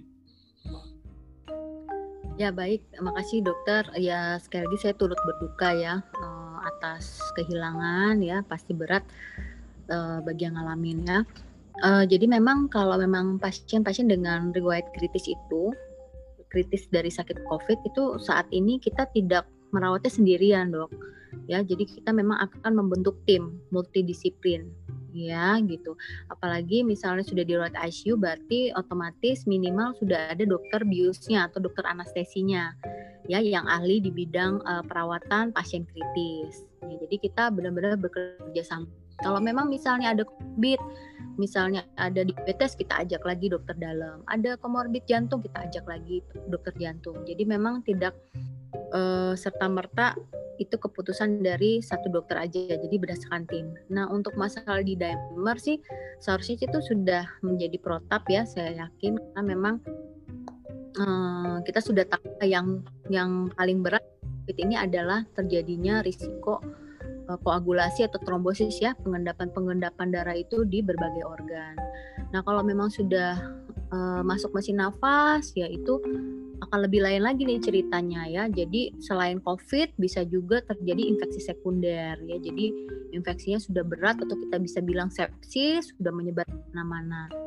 Nah eh, pengalaman kami memang kalau penyakit COVID yang sudah terlanjur sangat berat itu sangat sulit sekali untuk bisa memperbaikinya. Jadi hampir terapi apa pun yang kita coba itu gagal. Mau dia stem cell ya, eh, beberapa minggu kemarin kita sudah coba dengan plasma faresis ya. Jadi kita mengganti plasma tubuhnya itu ya dengan menggunakan mesin itu pun gagal juga ya eh, apalagi yang lain-lain ya yang cuma kayak terapi plasma terapi interleukin itu udah udah rutin lah. Jadi terapi-terapi yang luar biasa aja sudah kita kerjakan. Sometimes kalau sudah terlalu berat sakitnya itu sudah sulit sekali kita mengembalikannya. Jadi emang kembali lagi sih memang uh, covid ini masih banyak misterinya dan uh, memang uh, ya halo mohon maaf. Memang kalau memang sudah benar-benar terlanjur berat itu sangat angka kematiannya sangat besar dok. Seperti itu dokter yang bisa saya sampaikan. Ya, ya, saya juga saya juga setuju sih dengan itu ya. Memang terlalu berat itu karena kalau orang yang sedang melawan itu memang sih kita berharap antibody juga. Tapi kan dalam ketika melawan itu kan sel-sel yang rusak ketika peperangan lah. Coba lihat kalau kerusuhan gitu ya atau lagi perang ya walaupun menang tetap aja kan gedungnya hancur ya pasti rumput keinjak ya udah pasti kan gitu. Jadi kalaupun menang perang hari ini nggak mungkin tiba-tiba hari ini atau besok buka restoran gitu kan nggak mungkin gitu.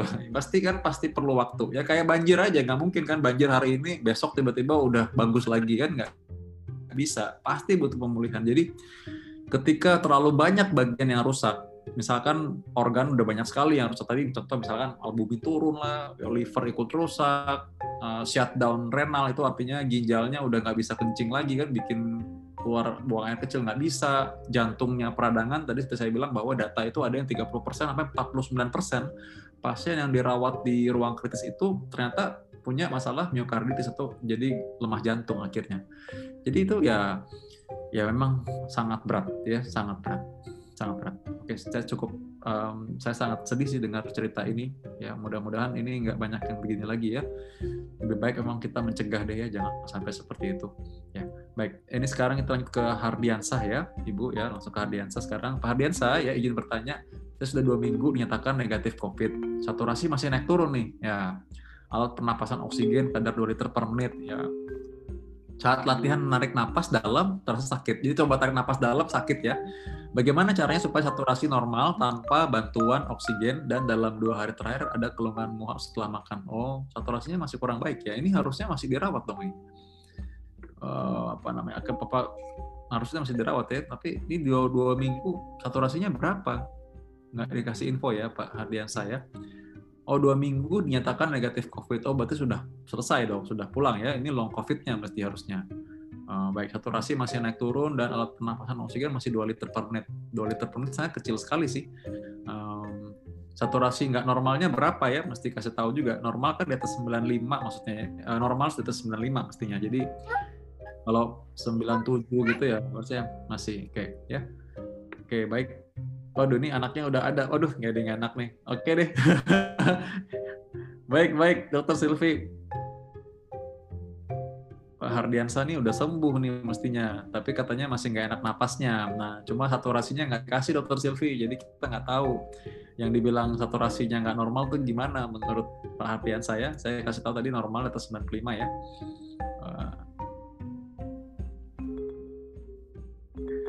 ini masih belum itu dokter Silvi. Saya izin sebentar ya dok. sebentar aja dok. Iya ya nggak apa-apa sambil jawab ya. Sambil nunggu dokter Sylvia mengurus kasihan bocahnya. Terus Sylvie emang hebat ya. Kalau aku suka kagum sama ibu-ibu rumah tangga yang jadi dokter loh. Temanku juga dokter jantung juga ibu rumah tangga. Jadi dia tuh uh, ada hari liburnya. Contoh hari gak ada hari libur dia. Cuma dia ada hari di mana dia pulang cepat aja gitu. Kalau dia pulangnya jam 12 jam 1 gitu udah di rumah biasanya karena dia mesti gantian jaga anak kan. Jadi bayangkan tuh dia tegangnya kalau dia tahu dia habis jenguk pasien COVID, lalu dia ketika pulang ketemu anak itu kan dia benar-benar aduh bisa dibilang ya takut tapi namanya tugas ya. Kalau bisa nggak mau datang nggak mau. Tapi dia tuh memang selalu juga siap kalau dikasih bantuan diminta bantuan. Maksudnya dok ini perlu nih pasien perlu di ini perlu di ini. Ya udah dia datang gitu. Pagi-pagi biasanya jam 7 malah udah datang di ke rumah sakit biar siang cepat pulang. Soalnya harus ngomong anak. Ya mirip lah kayak dokter Sylvia sekarang ini. Ya baik Pak Adensa gini ya. Jadi memang kalau misalkan kita lihat pasien-pasien COVID itu, dia kan masih punya gejala sisa. Ada yang namanya itu GGO ya. GGO itu adalah ground glass opacity. Jadi itu adalah gambaran yang khas ketika kita melihat di foto CT scan, itu ada gambaran seperti tatakan gelas. Nah, itu adalah gambaran yang bisa dikatakan khas viral pneumonia. Jadi paru-paru basah yang disebabkan oleh virus. Nah, virus dalam hal ini adalah COVID. Nah, walaupun penyebab pneumonia itu bukan cuma virus ya, bakteri juga bisa dan virusnya juga bukan cuma COVID saja. Nah, ketika uh, masa penyembuhan terjadi, kadang-kadang GGO ini atau paru-paru basahnya itu masih sisa, masih ada. Tadi seperti saya bilang, kalau habis kerusuhan gitu ya, masih kelihatan tuh taman kota misalkan udah agak hancur ya, uh, keinjak-injak rumputnya. Jadi ya pasti nggak mungkin tiba-tiba bagus kan. Saat ini memang kadang-kadang orang itu long COVID sampai tiga bulan ya 85% sebulan pertama masih lemes. Lalu 60% dua bulan kedua masih ada juga. Nah, sisanya 40 sampai 30% itu di bulan ketiga masih punya long covid seperti yang Pak Hardiansyah sekarang rasakan nih. Ya, ada masih rasa nggak enak. Nah, harusnya sih mudah-mudahan satu rasa sih normal ya mestinya ya. Um, tanpa bantuan oksigen. Kalau enggak kan mah udah lewat dua minggu apalagi kan harusnya sudah baik ya. Eh, mual-mual setelah makan ya bisa saja memang karena ada gangguan pencernaan, masih bisa karena yang lain. Jadi data ini masih terlalu general sekali. Ah, Dokter Sylvia udah kembali lagi tuh. Ya. Silakan Dokter Sylvia. Ya, oke makasih ya dok. Ya jadi memang ini termasuk long COVID juga ya. Jadi memang uh, pada pasien-pasien COVID yang gejalanya sedang berat, uh, atau ada gejala sisa biasanya tadi ya ground glass opacity atau infiltrate atau bercak-bercak yang ada di parunya itu memang dia akan semakin menebal dan membuat bekas luka gitu ya. Jadi kita bilangnya fibrosis gitu ya atau ibarat bekas luka lah. Nah, eh, yang terjadi bekas lukanya itu biasanya ada gangguan dari parunya gitu ya, oksigenasi parunya. Jadi memang balik lagi untuk dia bisa pulih atau fibrosisnya itu menjadi hilang ya kita berharap uh, sementara itu mungkin dia bisa membutuhkan terapi oksigen dulu. Dan saya rasa kalau oksigen 2 liter sih masih cukup rendah ya. Jadi uh, kita berharap pelan-pelan tuh kita bisa tapering tapering ya. Jadi misalnya uh, kalau untuk tidur itu boleh dipakai terus, tetapi kalau misalnya aktivitas siang-siang kita bisa latihan tuh supaya dia nggak pakai dulu gitu ya. Jadi supaya dia bisa aktivitas juga di siang hari. Jadi tidak terpasang oksigen terus. Lama-lama saya berharap sih dan uh, biasanya sih secara pengalaman sih nanti kebutuhan oksigennya semakin turun dan berarti sudah menjadi normal lagi. Gitu dok. Ya baik. Terima kasih Bu Sylvia nanti tim Anda mantik mengenai pasien yang udah negatif swab tapi di DMR masih tinggi. Ya udah uh, masih tinggi itu memang clopidogrel mini aspi boleh. Itu adalah salah satu alternatifnya. Boleh nggak terapi tambahan lain? Bisa aja. Terapi tambahan lain kan terapi kayak semacam suplemen vitamin. Tadi yang sudah diberikan oleh dokter Silvi tadi ada vitamin C vitamin D vitamin E dan juga zinc ya. Tambah juga antioksidan. Saya nggak bisa sebut merek di sini ya. Nah jadi karena itu sebenarnya cari aja vitamin tersebut dan sebenarnya bisa membantu pemulihan. Mengenai obat pengencer darah bisa menjadi pilihan sih. Anda boleh diskusikan dengan dokter yang merawat, dok boleh nggak sih saya pakai antikoagulan? Uh, karena memang mini aspirin dan clopidogrel ini adalah obat anti agregasi trombosit. Jadi pengencer darah itu ada banyak sebenarnya. Jadi nggak cuma satu. Ada beberapa obat, bukan beberapa malah ada banyak pengencer darah dan fungsinya bisa beda-beda ya.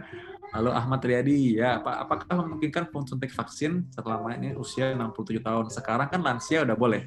Nah hati-hati mengenai penyakit komorbid dan penyakit bawaan. Kadang-kadang orang nggak tahu. Jadi ada baiknya kalau bisa boleh saran bahwa Anda bisa periksa dulu sama dokter yang Anda percaya siapa ya, siapa aja sih bisa untuk general check up aja dulu. Coba lihat deh, ada hipertensi nggak, ada diabetes nggak, ya bukan untuk nyari penyakit tapi untuk tahu kondisi tubuh sendiri. Jadi nanti kalau sudah waktunya divaksinasi harusnya bisa. Kan sekarang lansia udah boleh ya, jadi udah bisa pastinya. Oke, Mas Ramdan sama-sama terima kasih kembali. Ahmad Riyadi apakah perlu uji di dimer? Ya di dimer itu tidak perlu Pak Ahmad kalau misalkan bapak nggak sakit ya. Jadi DMR itu bukan pemeriksaan yang screen gitu ya. Nanti dokter yang memeriksa akan menentukan apakah perlu apa enggak.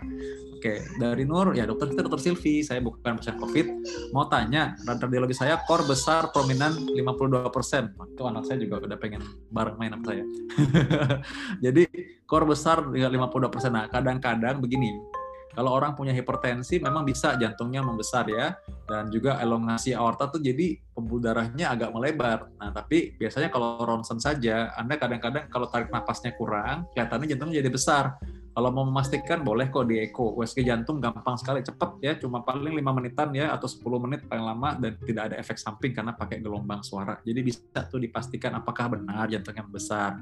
Nah, mengenai pengentalan darah, ya boleh saja. Mungkin dokter internisnya berpikir demikian karena ada faktor risiko ya. Nah, pengentalan darah itu bisa diperiksa juga kok. Tapi utamanya sebenarnya yang diobati bukan pengentalan darahnya, tapi yang diobati adalah faktor yang menyebabkan pengentalan darah. Orang diabetes, apakah ada penyakit yang lain, apakah mungkin orangnya kegemukan, nah itu bisa dicek dan itu bisa diubah. Nah gitu. Nah berikutnya adalah ya Kurnia Sabrina, ini baru dinyatakan negatif setelah kena COVID, tapi indera penciuman belum sempurna, anosmia. Saat ini masih normal. Oh, oke. Okay tunggu waktunya. Nanti bisa latihan. Kalau boleh dokter Kurnia, uh, kalau boleh ke dokter THT ya Bu Kurnia ke dokter THT nanti buat latihan menghidu namanya, latihan mencium supaya bisa lagi mencium lagi ya. Uh, uh, um, ya dari Balentari, oke okay, dokter, oke okay, suami yang meninggal, suami adik saya meninggal Senin itu karena sebenarnya sehat seperti OTG, hanya sudah di uh, ini kira-kira penyebabnya apa ya? Berapa minimal city untuk diizinkan pulang dari rumah sakit. Oh, ini yang kemarin ini yang meninggal ini dokter Silvi. Jadi awalnya katanya sehat seperti OTG katanya. Cuman berapa kali PCR hasilnya positif. Oh, oke. Okay. Kira-kira penyebabnya apa? Oke. Okay. Um, sebelum dokter Silvi jawab ya mungkin gini ya. Hmm, memang sih tadi kan ibu sempat nah eh, tadi kan sempat ngomong mengenai ini ya ibu ya sempat ngomong mengenai di dimer juga ya. Di dimer itu emang tidak selalu diperiksa apalagi OTG ya nggak diperiksa. Sebenarnya memang itu nggak rutin. Kalau pada orang yang sakit kritis iya pasti diperiksa. Tapi kalau pada orang yang OTG apalagi memang nggak wajib diperiksa. Jadi memang kita nggak tahu. Nah dalam hal ini, Ibu tadi bilang apa penyebabnya ya? Uh, kenapa berapa minimal city untuk bisa pulang dari RS? Itu kan oke okay, baik. Dokter Silvi boleh uh, menjawab uh, singkat dok ini karena masih banyak sekali pertanyaan ternyata. Belum di unmute dokter maaf ya. Iya. Ya, sekali lagi untuk city value kita tidak uh, menjadi standar untuk kepulangan pasien ya dok ya. Jadi kita tidak memulangkan pasien hanya berdasarkan city value, tapi berdasarkan evaluasi klinis. Gitu dok. Ya, hmm. penyebab meninggalnya terus terang saja sangat sulit sih buat saya Bu untuk komentar ya karena kami nggak tahu persisnya gimana gitu kondisinya yang dibilang seperti hmm. OTG itu. Dan kadang-kadang memang tadi aku bilang bahwa ketika masuk ICU dan lain-lain itu ya pasti berat lah kondisinya ya. Ya, ini mungkin ya kalau nanti Ibu memang masih pingin nanya-nanya lagi, boleh nanti mungkin lebih pribadi kali ya, Bu. Karena ini kan umum banget ya. Um, intinya sih memang memang sulit kalau misalkan dalam kondisi sampai masuk ICU segala itu memang bisa dibilang ya berat sekali kondisinya. Baik, kapan hasil tes PCR tidak dinyatakan menular? Kalau PCR positif ya orang masih dalam masa akut COVID ya menular lah Bu Mariana ya. Misalkan baru aja nih sakit nih, kecuali kalau udah lama banget ya, long COVID tuh kan udah lama, lewat sebulan gitu positif terus ya. Ya, tapi biasanya sih orang hari ke-10 ke atas risiko penularan sangat sedikit Ibu Mariana ya. Mudah-mudahan sih udah enggak. Ya, dikasih hobi. Wah, dok, malam dok saya nonton salah satu YouTube COVID Survivor, sudah negatif pulang ke rumah, berapa kemudian dia ronsen masih ada flek paru. Padahal waktu ronsen di awal tidak ada flek. Nah, ini kadang-kadang waktu di awal justru masih baru sakit tuh. ketika dirawat udah mulai ada, tapi kan nggak diulang. Nah, ketika dia pulang masih ada bekasnya. Nah, itu yang sisanya itu ya Bu ya. Jadi tenang saja ya, tapi nanti kalau emang itu benar COVID lama-lama harusnya hilang. Tadi makanya perkuat dengan vitamin, makan protein ya, makan protein supaya bisa menghentikan sel-sel yang rusak. Dan karena tubuh kita tuh butuh bangunan, butuh batu bata buat bangun, bangun gedung. Nah, batu batanya itu adalah protein. Nah, baik, Trian Safira Ratna Ningtyas. Oke, baik. Dok, saya dirawat pernah di ronsen, malah hasilnya TB aktif lesi minimal. Ini juga sering nih. Pasien di screening COVID tahunya malah TBC paru. Padahal tidak memiliki gejala TB. Oke, bolehlah sedikit nih karena TB banyak. Boleh ya. dokter ya, ya. ya, oke okay, dok. Ya memang gara-gara COVID ini kita malah jadi uh, screening parunya jadi mal malah semakin masif ya. Jadi ya. memang kadang ketemu koinsiden dengan uh, pasien TB. Nah kalau memang kalau memang lesi minimal memang uh, kadang dia tidak ada gejala belum ada gejala klinis gitu belum ada batuk-batuk lama ya seperti gejala TB pada umumnya ya demam batuk lama sesek itu belum ada. Nah uh, kalaupun misal ada seperti itu nanti kita evaluasi lagi ya. Jadi yang pertama perbaiki covidnya dulu ya masalah diagnosis TB ya sementara kita bisa hold dulu lah. Tapi begitu covid yang sembuh kita harus work up lagi nih TB-nya gitu ya. Kalau memang dia ada mengarah ke arah TB ya. Kalau bisa ada dahak kita cek dahak atau memang e, melalui pemeriksaan darah atau mantuk tes ya sementara gitu. E, kalau memang misalnya ada riwayat kontak dan sebagainya kita perlu terapi ya kita terapi. Gitu dok. Ya, baik. Nanti kalau bisa kontrol mungkin misalnya ke dokter paru ya, misalkan. Misalnya ke dokter Silvi misalnya gitu ya, dan TB itu kan bisa disembuhkan gitu, ada obatnya, jadi tenang saja. Malah kalau nggak diobatin nanti jadi resisten kalau nggak diobatin betulan. Jadi silahkan diobatin, jangan takut, tenang aja. Saya juga survivor TB dokter Silvi, saya pernah TBC juga.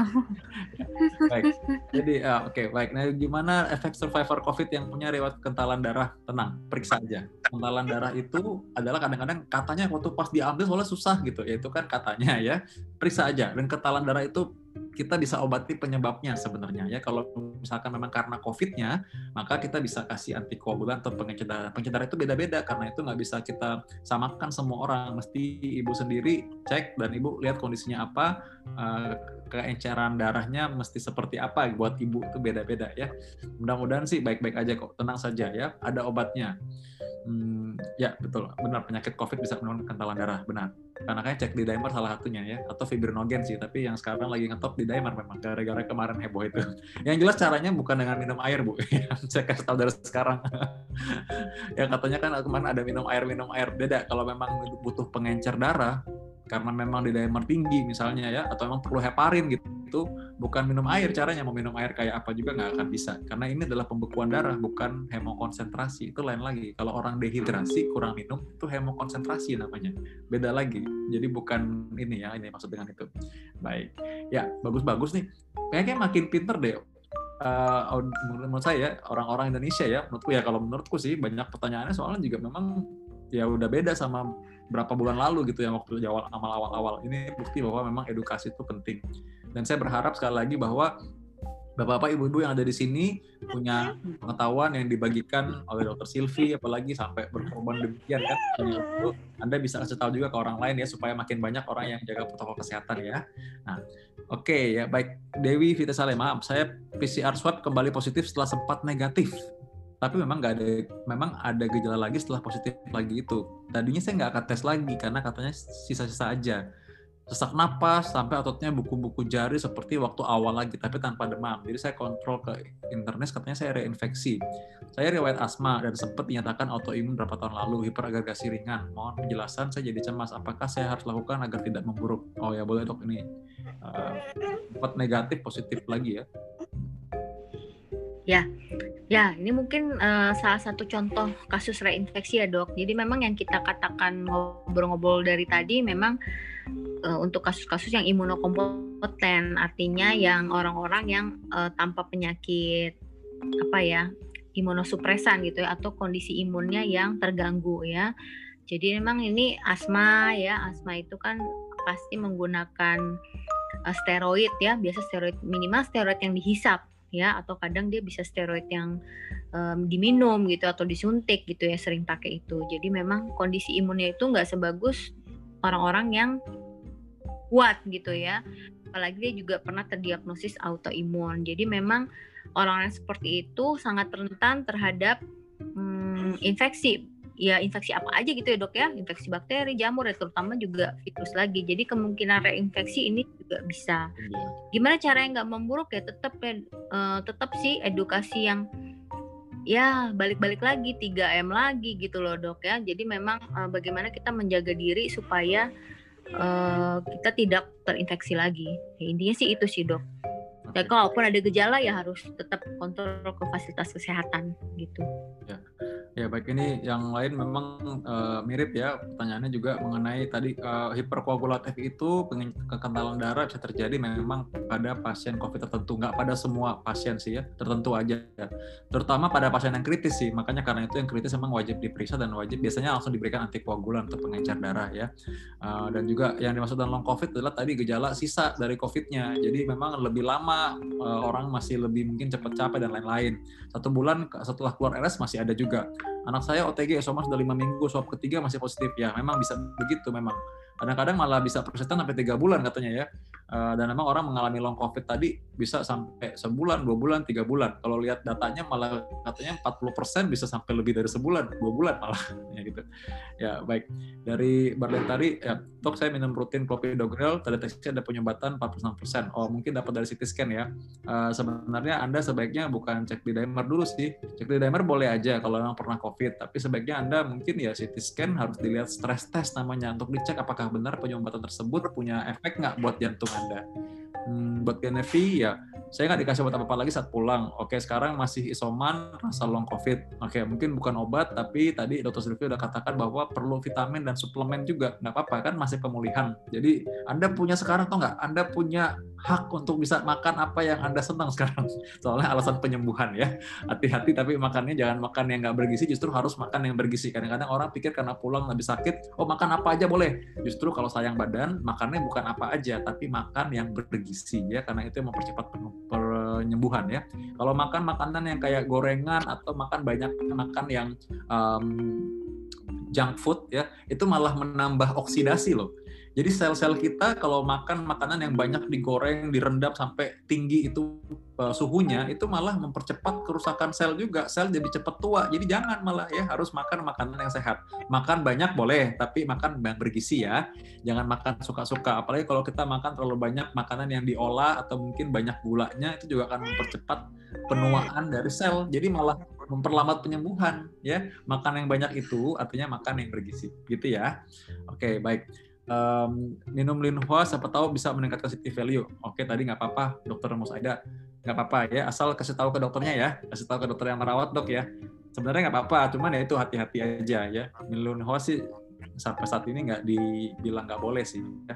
Oke, seperti herb dan probiotik dan lain-lain melawan COVID. Sekali lagi boleh aja, asal tidak uh, mengganggu obat terapi yang diberikan. Ini kalau saya punya advis nih, anda boleh bedakan dua jam lah kira-kira. Kenapa saya bilang dua jam? Karena setengah jam sampai dua jam itu supaya udah lewat dulu obat yang dari dokter dari lambung, jadi nggak kecampur banget gitu maksudnya ya. Walaupun dalam darah sih bisa kecampur juga, tapi ya kalau bisa jangan kecampur di lambung gitu. Ya itu tips aja sih ya. Kalau memang masih pengen ya gimana juga kan, saya nggak mungkin larang juga kan orang-orang ya, orang dia yang beli. cuma saya cuma bisa kasih advice bahwa kadang-kadang kita mesti hati-hati dengan obat-obat semacam itu karena uh, buktinya masih kurang gitu. Tapi ya silahkan kalau memang anda mau ya. Uh, yang lain-lain dalam perawatan 14 hari tidak punya komorbid dan lain-lain, bagaimana efek terhadap paru dan ginjal? Harusnya baik-baik aja pak. Kalau memang tidak ada komorbid biasanya baik-baik aja. Kecuali kalau virusnya banyak banget. Jadi daya tahan tubuh kalah tuh nanti. Jadi bisa berat. Oke. Okay. Uh, Oke, okay. baik dokter Sylvia, ini hmm, tiga yang terakhir ya, tapi kita mesti jawab nih. Uh, dinyatakan COVID tiga minggu lalu, setiap minum air dingin batuk-batuk. Apakah ada COVID atau bukan? Wah, ini dokter paru itu termasuk juga respirasi dan kadang-kadang ada hiperreaksi ya. Silakan dokter Sylvia.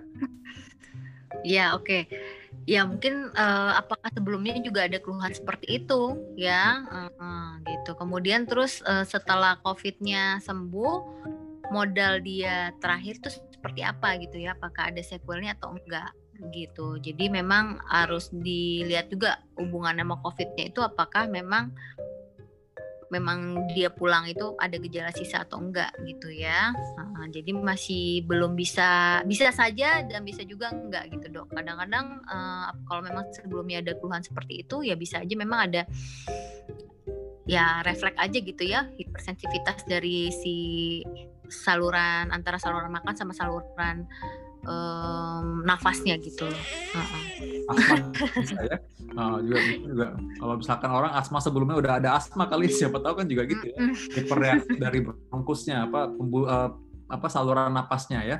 Oke, Ibu Barliantari, maaf dokter itu belum jawab kenapa adik saya yang sudah lima kali PCR kok masih positif? Hmm, memang masih bisa ya. Uh, padahal sebenarnya secara fisik sehat uh, kayak OTG gitu, ya masih persisten, masih ada uh, ya mungkin um, bisa menegaskan secara lebih jelas dan mungkin singkat kenapa orang persisten positif ini pasien yang tadi al almarhum sempat OTG lalu meninggal ya? Iya, Iya, jadi memang uh, kita curiganya memang itu sisa-sisa virus dok, gitu ya, sisa-sisa virus atau bahasanya itu awamnya bangkai-bangkai virus ya, gitu. Jadi balik lagi kalau memang dia nggak ada gejala, kemudian kita lihat ya positifnya itu ya mungkin ya ada ada lagi sekali lagi uh, tambahan kegunaan dari city value ya. Jadi city value-nya berapa? Kalau memang misalnya city value-nya baik, nggak ada gejala, toh sudah tadi berapa lima minggu ya saya rasa itu hanya sekedar sisa-sisanya saja sih sisa-sisa virusnya saja meninggalnya hmm. adik hmm. suami ibu itu memang saya terus terang masih misteri juga ya karena memang kalau lihat dari kayak gini kan maksudnya udah berapa kali di swab positif tapi kan katanya sudah kayak OTG kan sebenarnya kan hmm. uh, mungkin saja um, ya makanya we don't know what happened exactly karena kadang-kadang ada orang juga nggak tahu kalau dia punya penyakit gitu ya. Saya nggak ngerti juga. Makanya saya bilang ini um, ya kita perlu bicara japri aja kali ya.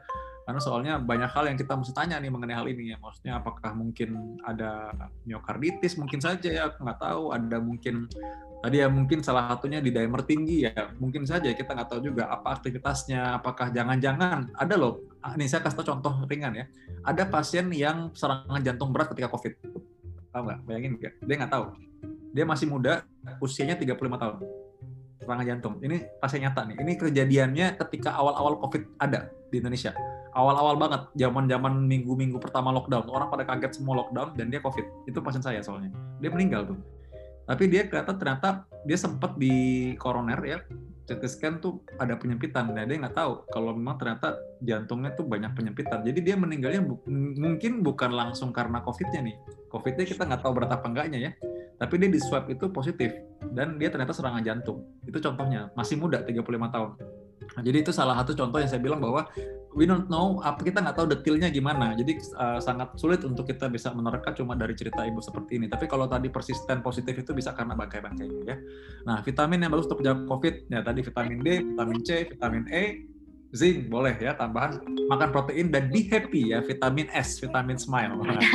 ya baik yang lain-lain sudah dua minggu terkena COVID, sering pilek, pusing, kalau tidak apa kalau minum obat sesuai keluhan. Nah, memang itu obatnya. Kalau COVID itu utamanya diobati adalah keluhannya ya, keluhan pusingnya minum obat pusing atau tidur aja nggak apa-apa ya. Itu ada alasan buat sedikit agak bermalas-malasan dikit, tapi dengan olahraga juga. Ya, olahraga kan bagi setiap orang kadang-kadang bikin rileks loh. Buat saya tuh olahraga tuh rileks buat saya.